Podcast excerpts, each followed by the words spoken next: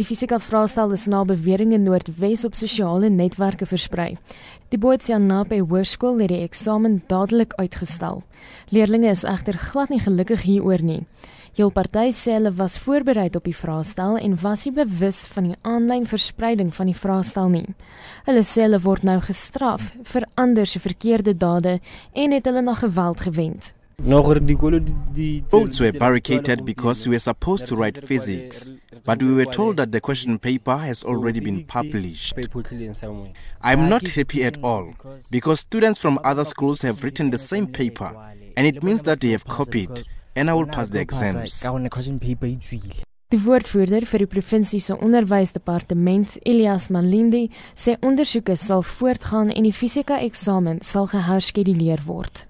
Currently, school is conducting the investigations of exactly how was the paper leaked to the WhatsApp.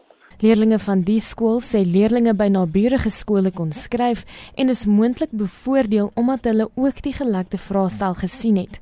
Malindi sê dit word ook ondersoek en vra mense met inligting om na vore te kom.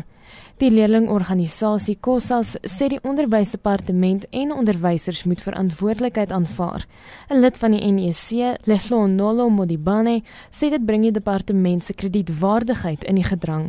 We ensure that information of this nature does not just go out because this thing also poses serious threats to us. Kosa sê 'n soortgelyke voorval is in Brits aangemeld.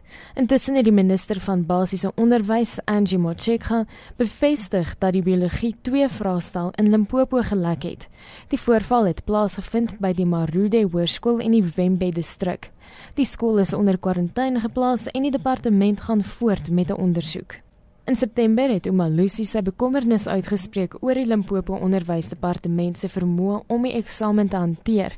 Die departement van onderwys het egter sy versekering gegee dat die eksamen sonder onreëlmatighede sal verloop en die ALR vir onderwys, Ismail Khetchepe, het dit bevestig.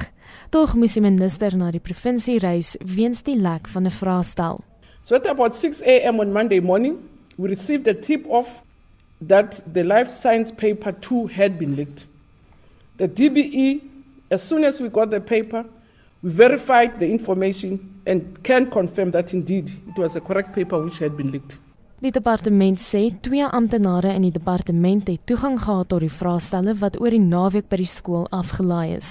Dit is nie duidelik hoe die twee leerdlinge wat glo betrokke is, die vraestel in die hande gekry het nie. Terwyl 'n ondersoek voortgaan, word die leerdlinge toegelaat om die res van hul eksamen af te lê.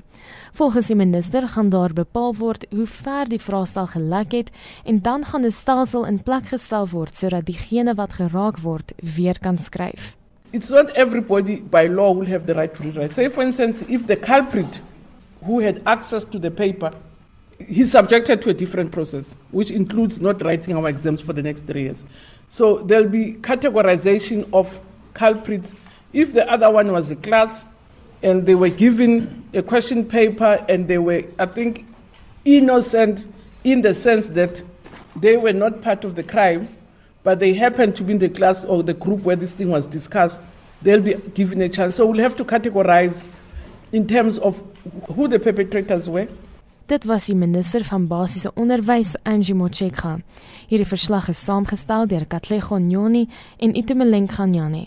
Ek is Marlene Forsiefer, SABC nuus.